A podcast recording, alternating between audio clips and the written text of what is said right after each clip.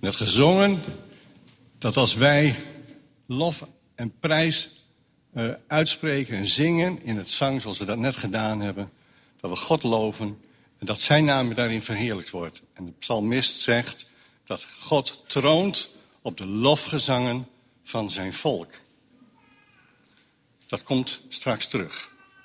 Wil je met eerst met jullie bidden voor een zegen. Vader in de hemel, dank u Heer dat we hier zo bij elkaar zijn. Ook voor de dienst die tot nu toe gegaan is, Heer. Dat u alles leidt. Dat u een zegen voor ons heeft, Heer. Dat u ons wil zalven met uw zalfolie. Dat u alles hier wil heiligen en wil reinigen. Heer wil ons leiden in het horen en in het spreken. Dat het uw woorden mogen zijn. Dat ze in ons hart mogen landen, Heer. En dat we u daarmee de lof en de eer mogen geven. In Jezus' naam. Amen. Toen Casper mij een paar weken geleden vroeg of ik eh, deze zondag wilde spreken, toen wist ik meteen waar ik over moest spreken. Want de Heer had mij al een onderwerp gegeven een tijd terug. En als je dan daarover na gaat denken, dan zijn er allerlei gebeurtenissen die, die, die in de loop van de week, maar ook in de tijd daarvoor, in je gedachten komen en waarvan je weet, dat is niet zomaar geweest. Dat is niet zomaar gebeurd dat ik dat meegemaakt heb. Ik wil met jullie lezen een verhaal, en dat uh, is uit uh, Lucas 8. Dat is de geschiedenis van de vloeiend, bloedvloeiende vrouw. En ook een heel klein beetje over het dochtertje van Jairus. Die geschiedenis komt ook voor in Matthäus 9 en Marcus 5. Maar ik wil lezen uit Lucas 8. Het zijn drie verhalen, drie keer een uh, schets van hoe, dat, hoe die geschiedenis geweest is. Ze zijn alle drie verschillend, maar als je ze op elkaar legt, dan krijg je het totale plaatje. Lucas 8, vanaf vers 40. Toen Jezus terugkeerde, wachtte de, de menigte hem op, want zij zagen allen naar hem uit. En zie, er kwam een man genaamd Jairus, en deze was de overste van de synagoge. Hij viel aan de voeten van Jezus en smeekte hem in zijn huis te komen, omdat hij een enige dochter had van ongeveer twaalf jaar en deze lag op sterven. Terwijl hij nu heen ging, de Heer Jezus, drong de menigte op hem aan. En een vrouw die twaalf jaar lang een bloedvloeiing had, die, en dat is tussen haakjes, die heel haar levensonderhoud aan artsen had uitgegeven. En een van de andere evangelieën zegt zelfs dat ze daarvan geleden had, maar niemand, door niemand genezen kon worden. Zij kwam van achter naar hem toe, naar de Heer Jezus, raakte de zoom van zijn kleed aan en onmiddellijk hield haar bloedvloeiing op. Uh, ik ga switch even naar uh, Matthäus 9, omdat ik daar een stukje in heb wat uh, een volledige beeld geeft van wat er precies gebeurt. Matthäus 9, vers 20.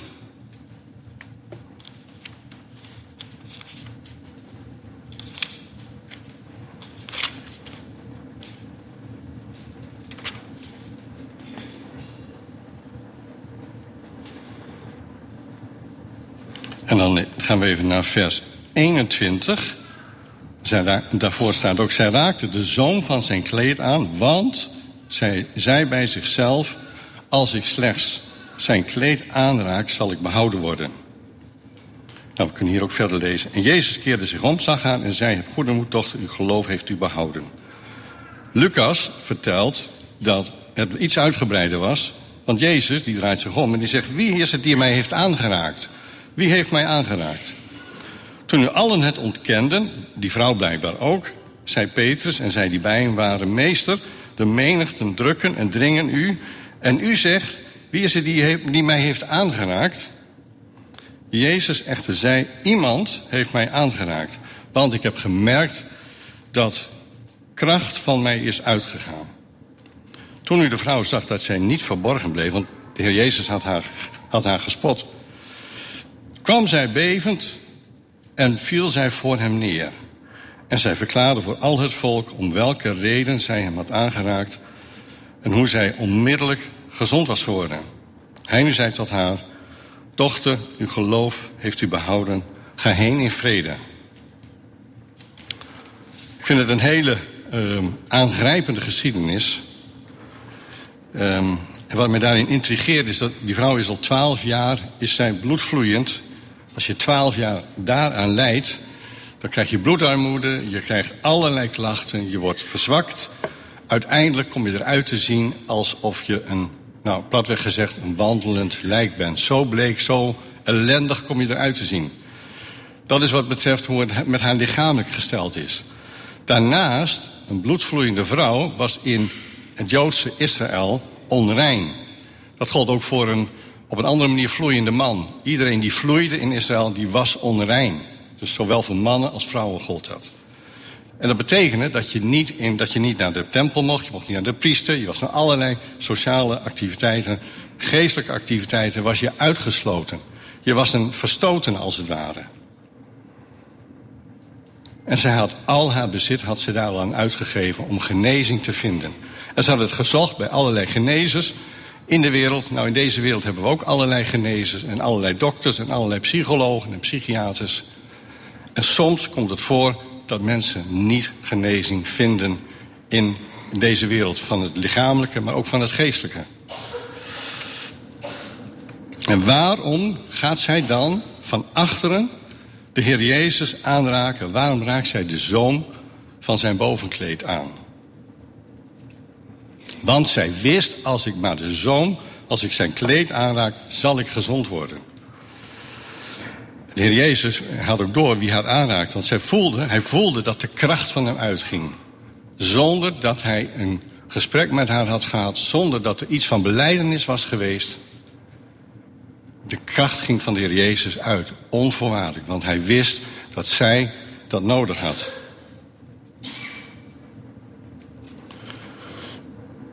Die zoom van dat kleed, dat vond ik een hele uh, opmerkelijke uh, tekst eigenlijk. Je moet bedenken, dit zijn Joodse mensen die het Oude Testament vrij goed kennen. Veel beter dan dat wij onze Bijbel kennen. Joodse mensen werden van, van kinds af aan opgevoed met het lezen van de Torah. Nou, dat zijn de eerste boeken van Mozes. En daar staat alles in over kleding en voorschriften en reinigingswetten, et cetera. Daar kom je alles in tegen. Maar daar wordt ook gesproken van het bovenkleed en de zoom.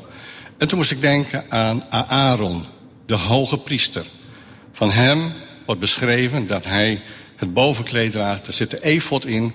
En de rand van dat bovenkleed, die was versierd met zilveren belletjes en met andere kleine uh, uh, frutseltjes die gemaakt waren van kostbare materialen. En als Aaron dan door de tempel liep, dan gaf dat een bepaald geluid. Dan wist men, daar komt de hoge priester. Zou deze vrouw besef hebben gehad van dit gegeven? Zou zij weten, dat is Jezus en hij is de hoge priester. Als ik zijn zoom aanraak, word ik genezen, want zijn kracht is ongelooflijk, is overvloedig. Er staat er niet bij dat ze dit geweten heeft, maar dat zou maar zo kunnen. Dat zij gezien heeft, hij is de ware hoge priester. En bij hem word ik genezen. Want dat zegt ze, zij wist dat ze genezen zou worden. En dan zegt de Heer Jezus dat haar geloof hem heeft, haar heeft behouden. En zij was meteen genezen van alles. Maar er staat ook, die vrouw was bevreesd en beefde. En ze viel voor hem neer. En ze vertelde voor het volk om wat voor reden zij hem had aangeraakt. Dat deed mij denken aan een situatie dat ik ook een keer met een vrouw geconfronteerd werd. Helaas komt dat regelmatig voor dat we op de huisartsenpost met mensen in aanraking komen die zo ongelooflijk in de problemen zitten dat ze geen andere uitweg zien dan zichzelf iets aan te doen. Het zij snijden, het zij iets innemen, het zij uh, jongens, daar is van bekend dat ze heel veel kunnen gaan drinken en, en dan maar een vecht opzoeken, zodat ze geslagen worden en geslagen kunnen. Mensen zoeken een uitweg in de ellende van hun leven. En ik werd geconfronteerd met een jonge vrouw die zichzelf ook gesneden had. En dat is altijd een hele kwetsbare situatie. Het zijn vaak jonge vrouwen. En dan kom ik daar als oudere man kom ik daar binnen. Dat is op zich voor sommige mensen al heel lastig. Hoewel ze mij niet kennen, maar ik ben een man. Dus ik probeer altijd heel voorzichtig dat gesprek op gang te krijgen. En ik was met haar in gesprek en ik deed ondertussen mijn werk. Ik moest wat wonden hechten. En het was eigenlijk best een goed gesprek. Dit is denk ik twee jaar geleden. Toen namen we afscheid en toen zei ze, dat was heel opmerkelijk, zei, ik wil u bedanken dat u geen waardeoordeel hebt laten merken of uitgesproken hebt. Ik zeg, waarom dan? Ja, zegt ze, dat doen heel veel van uw collega's. Een waardeoordeel over wat zij deed, wat ze mee had gemaakt. Toen moest ik denken aan deze tekst. Die vrouw was bevreesd en beefde. Ik geloofde niets van dat ze bang was of beefde voor de Heer Jezus. Ik denk dat ze bang was voor de menigte die er omheen stond. En die al klaar was om te wijzen van... jij, je bent onrein en je hebt de Heer Jezus aangeraakt. Ik denk dat zij bang was voor ons. Dat wij met ons oordeel, met ons waardeoordeel... over haar klaar zouden staan. Hoe vaak gebeurt het niet dat, er iets, dat we iets horen of iets denken... en dan staan we al heel snel klaar met onze mening, met onze gedachten van... oh, dit, oh, dat zal wel zo. En dat we ons laten regeren door wat we zelf bedenken... en ons niet laten leiden door de liefde van de Heer Jezus. Want de Heer Jezus, hij, hij sprak haar niet aan... op wat voor zonde of probleem dan ook in haar leven. Hij gaf zijn kracht aan haar en hij genas haar. De zoon van zijn kleed. Psalm 133, daar wordt ook gesproken over de zoom van het kleed van Aaron. Dan hebben we weer het beeld van de hoge priester. Dat, dat als mensen die zoom aanraken, dat de genezing is. Als je alles wil weten over hoe die kleding van de hoge priester ongelooflijk um, gedetailleerd beschreven wordt, dan moet je dat lezen in Exodus Um, en dan kom je uiteindelijk ook bij, als die klederen allemaal klaargemaakt zijn, met tot in detail staat dat beschreven, dan komt dat moment dat Aaron gezalfd wordt. Vanmorgen voor deze dienst bad ik ook om, om zalving van de Heer. En in de bid stond zo straks, werd twee keer gebeden voor zalving. Aaron werd ook gezalfd. En we lezen dan dat Mozes, die moest olie uitgieten over zijn hoofd. En dan zegt Psalm 123, zegt... De olie die druipt van het hoofd van Aaron, van de hoge priester... op zijn baard, op de zoom van zijn kleed. Dat wist die vrouw. Zij wist dat die zoom, dat hij verzadigd was met olie, met zalfolie van de Heer Jezus. Dat is natuurlijk een ongelooflijk um, kostbare gedachte. En, en, en moet je bedenken, hè, die vrouw die komt daar met haar onreinheid... en ze is bang voor alles wat er om haar heen gebeurt... en alle reacties die ze ziet. En zij, moet zich, zij wil dat kleed van de Heer Jezus aanraken. Maar ze ziet geen andere mogelijkheid dan te knielen om de zoom van zijn kleed aan te raken. Dus zij, zij vernedert zich en zij raakt de zoom van zijn kleed aan. Wetende dat het de zoom is van de hoge priester. En Hebreeënbrief zegt dat wij een hoge priester hebben...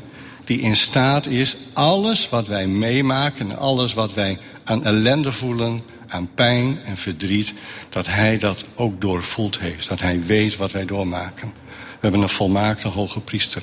En ook daar staat dat wij een hoge priester hebben... die gezalfd is door God. Uh, een beeld van de zalving, van de olie die druipt van de, de baat van Aaron, van de hoge priester, op zijn kleed, op de zoom van zijn kleed.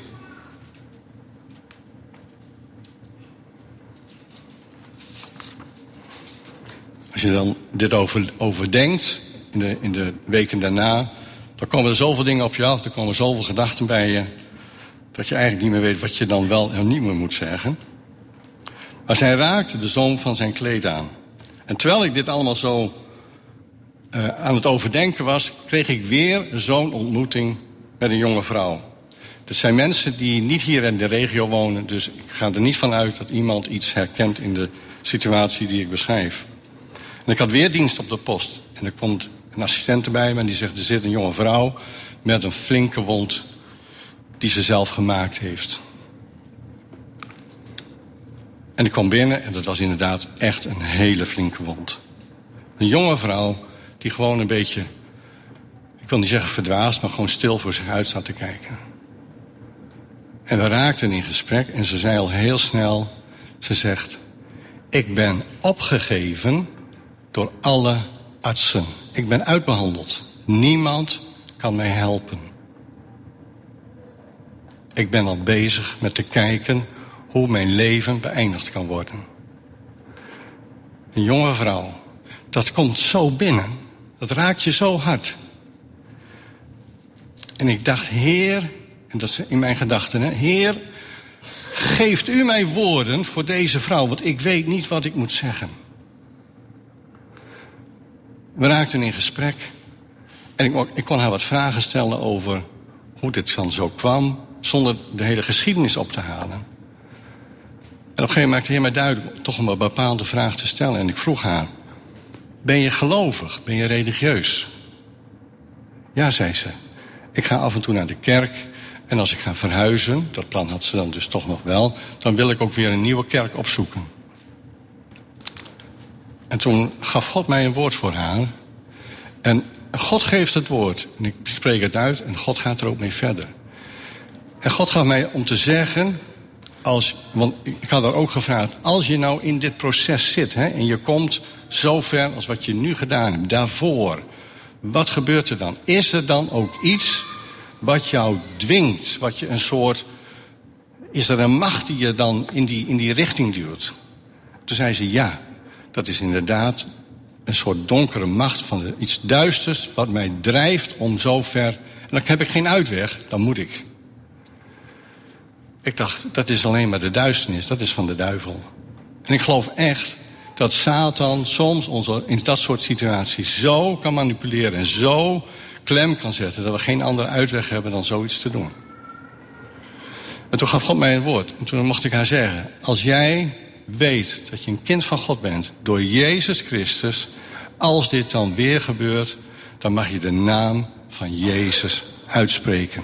En dan wacht maar af wat er gebeurt. En ze keek me verbaasd aan. En ze weerde niet af. En ze, ik zei, dat is wel, wel bijzonder dat ik dit woord voor jou heb. Ja, zegt ze, dat klopt. We namen afscheid, want ik moest verder het ziekenhuis in om gehecht te worden. En ik zei haar, ik hoop je over een paar jaar weer te zien... en dat het dan goed met je gaat. Dat je inderdaad de naam van de Heer Jezus uitspreekt. En toen dacht ik terug aan deze geschiedenis. Stel nou dat zo'n vrouw of een man hier binnen zou komen. Hier bij ons binnen zou komen. Zou die dan merken dat hier de Heer Jezus is? Zou die dan merken dat de zalving van de Heilige Geest hier is? En zou die het aandurven om hier zich uit te strekken naar de zoom van het kleed van de hoge priester, van de Heer Jezus? Ik hoop dat dat wel zo is. En dit is niet om terug te kijken van wat houdt ons daarin tegen. Het is een bemoediging, want ik geloof echt dat dit een mogelijkheid is. Dat God ons daar de ruimte en de mogelijkheid voor geeft. Om mensen bij Hem te brengen. Hier zo'n krachtige werking van Gods geest te ervaren. En zo de liefde van de Heer Jezus te ervaren. Dat mensen binnenkomen en zich uitstrekken naar de Heer Jezus. En ik moest even terugdenken aan wat ik gelezen heb over dat zij bang was. Uh, voordat wij naar binnen gingen, zei iemand tegen me van nou sterkte in de arena.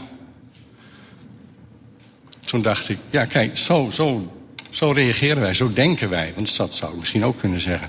Maar dit is geen arena. En als, wij, als het een arena is, dan is het een arena omdat we dat voor elkaar zijn. Omdat we klaarstaan om elkaar te beoordelen. Een waardeoordeel over elkaar uit te spreken.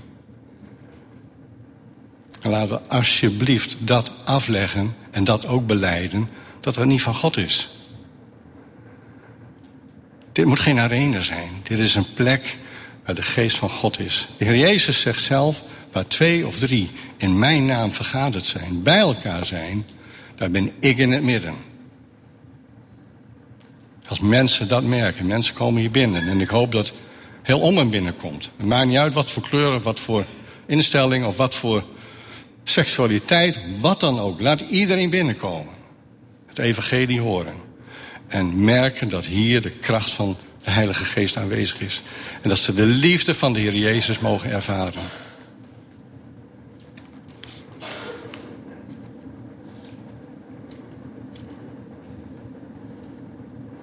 Jesaja 56 zegt het al. Want mijn huis zal een huis van gebed genoemd worden.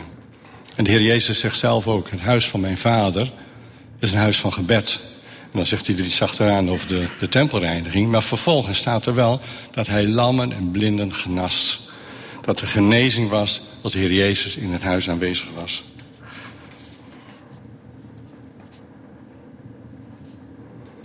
Ik wil lezen Psalm 123.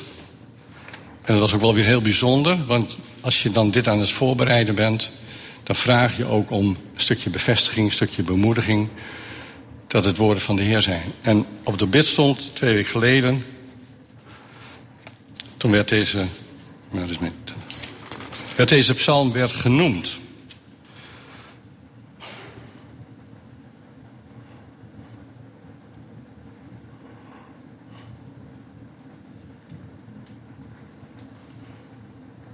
Psalm 133. Heel kort. Lees eerst even vers 2. Dat is waar ik bij bepaald werd.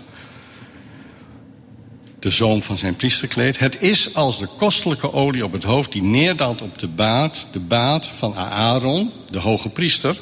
Die neerdaalt op de zoom van zijn priesterkleed. En dan staat er boven. Zie hoe goed en hoe lieflijk is het dat broeders en zusters, dat wij als gemeente eensgezind bij elkaar komen, samen zijn, onze lofprijs hebben. En het is als de kostelijke olie, die komt dan vrij. Als wij een biddende gemeente zijn, als wij een gemeente zijn waar de liefde van de Heer Jezus tastbaar wordt, dan is dat als de kostbare olie die daalt van de baat op de zoon van de Heer Jezus. En dan komen mensen hier binnen en dan zal er genezing zijn. Er kan genezing van lichamelijke ziekte zijn. God is machtig, absoluut. Als, als arts en met 40 jaar ervaring moet ik ook vaststellen dat God heel vaak op een andere manier genezing geeft, op een andere weg met mensen gaat. Absoluut, God geeft genezing, ook in het lichamelijke, maar heel vaak ook op een andere manier. God is daar soeverein in. God is daar, God gaat daar zijn eigen weg met ons in. Maar God geeft vooral ook genezing van alles wat ons bindt. Van alles wat ons neerdrukt. Van alles wat ons in bolwerken en in verslavingen vasthoudt. Van alles wat ons bindt in wat we elkaar aangedaan hebben. Wat ook de afgelopen jaren hier gebeurd is. Daar geeft God ook bevrijding van.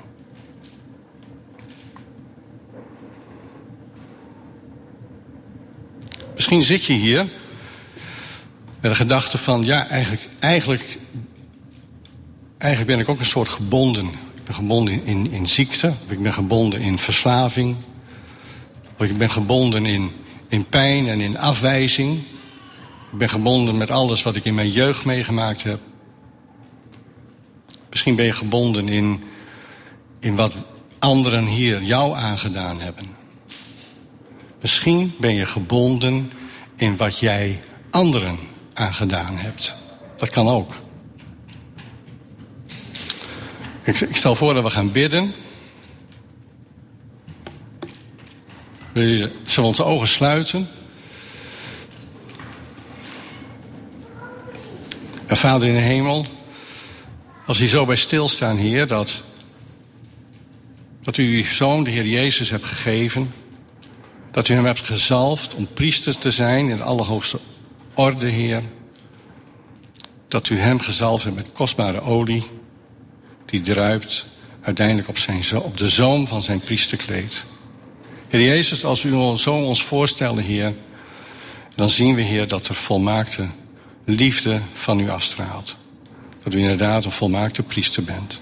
Dat u niet klaar staat met het oordeel. Maar dat u zegt van kom maar. En raak de zoom van mijn kleed aan. Ik wil u danken, Heer, dat u ons daar vrijmoedigheid voor geeft. Ik wil u bidden, Heer, wilt u uw harten aanraken, Heer. Wilt u ons de moed geven, als het nodig is, om dat stapje te zetten. Heer, en ik kan me voorstellen, Heer, dat het zo moeilijk is als je hier zit om dat alleen te doen. Dat je het eigenlijk niet durft. En als je hier zit en je weet dat je een dergelijke last op je hebt.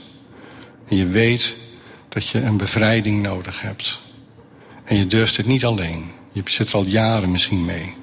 Misschien kort, misschien heel lang. Laat onze ogen gesloten houden. Als je dat hebt, als je weet, eigenlijk ben ik net als die vrouw. En moet ik ook naar de Heer Jezus toe. En de zoom van zijn kleed aanraken. Dan wil ik je vragen, wil je je hand opsteken? En wil je naar achteren lopen, rechts achter in de hal? Er zijn mensen die nu met je willen bidden. We gaan dit niet doen naar het opruimen van de stoelen. Er is nu ruimte voor. Als je hier zit en je weet dat je gebonden bent in verslaving of in, in allerlei moeilijke situaties, misschien op je werk of in, in, in allerlei uh, uh, verkeerde, verkeerde clubjes waar je bezig bent of in hobby's die, die, die je helemaal volledig in beslag nemen, die eigenlijk je ook een soort binden. Als je weet dat je gebonden bent in, in het, doordat je afgewezen bent. Dat er nooit liefde over je uitgesproken is. Als je weet dat je eigenlijk de naam van de Heer Jezus uit moet spreken en over je leven moet laten proclameren. En je hebt daar hulp bij nodig. Je wil iemand die met jou dan, dan naar achteren loopt. Dan zou ik zeggen, sta op, wees niet bang. We houden onze ogen gesloten. Je hoeft je nergens voor te schamen. Maar sta op en durf het aan om kortweg voor je te laten bidden. Elk gebed wat uitgesproken wordt is krachtig en is, is bij machten om ons bevrijding te geven. Misschien zit je hier in de zaal en denk je bij jezelf...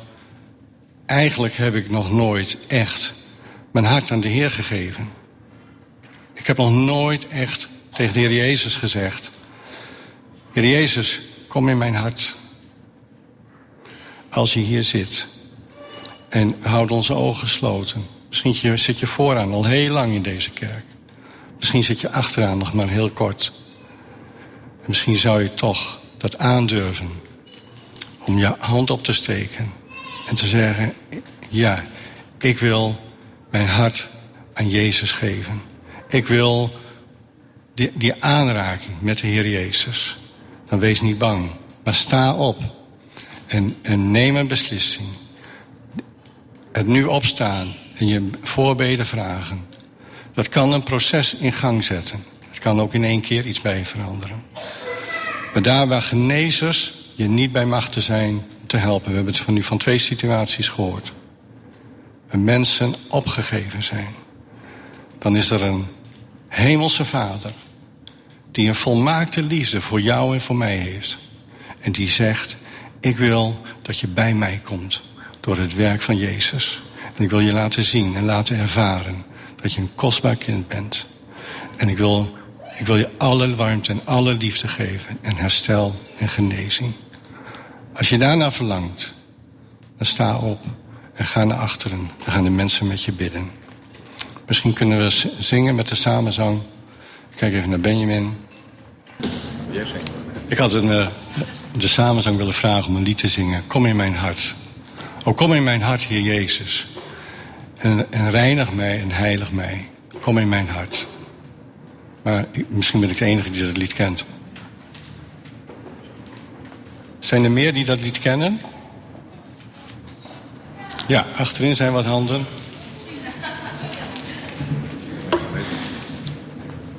Heb je hem? Nee? Kom in mijn hart. Kom in mijn hart. O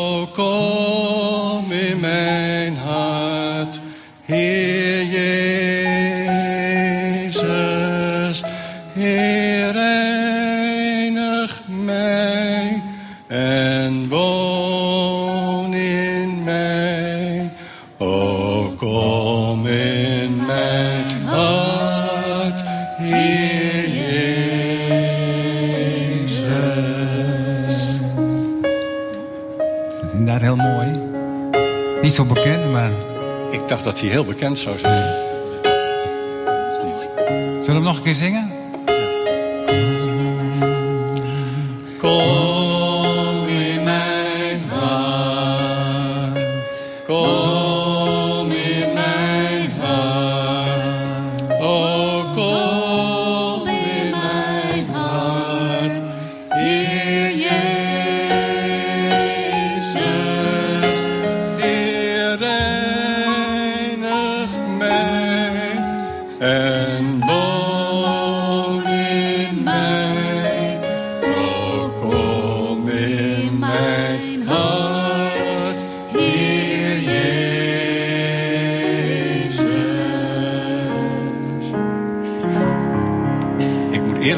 Ik weet ook niet of ik hem helemaal correct gezongen heb. Ik kijk even naar Fred, die zal het vast ook... eh, was die correct of niet? 98. Mooi. Het gaat een hele tijd terug. En, Ja, ik mag het maar op. dankjewel, ja.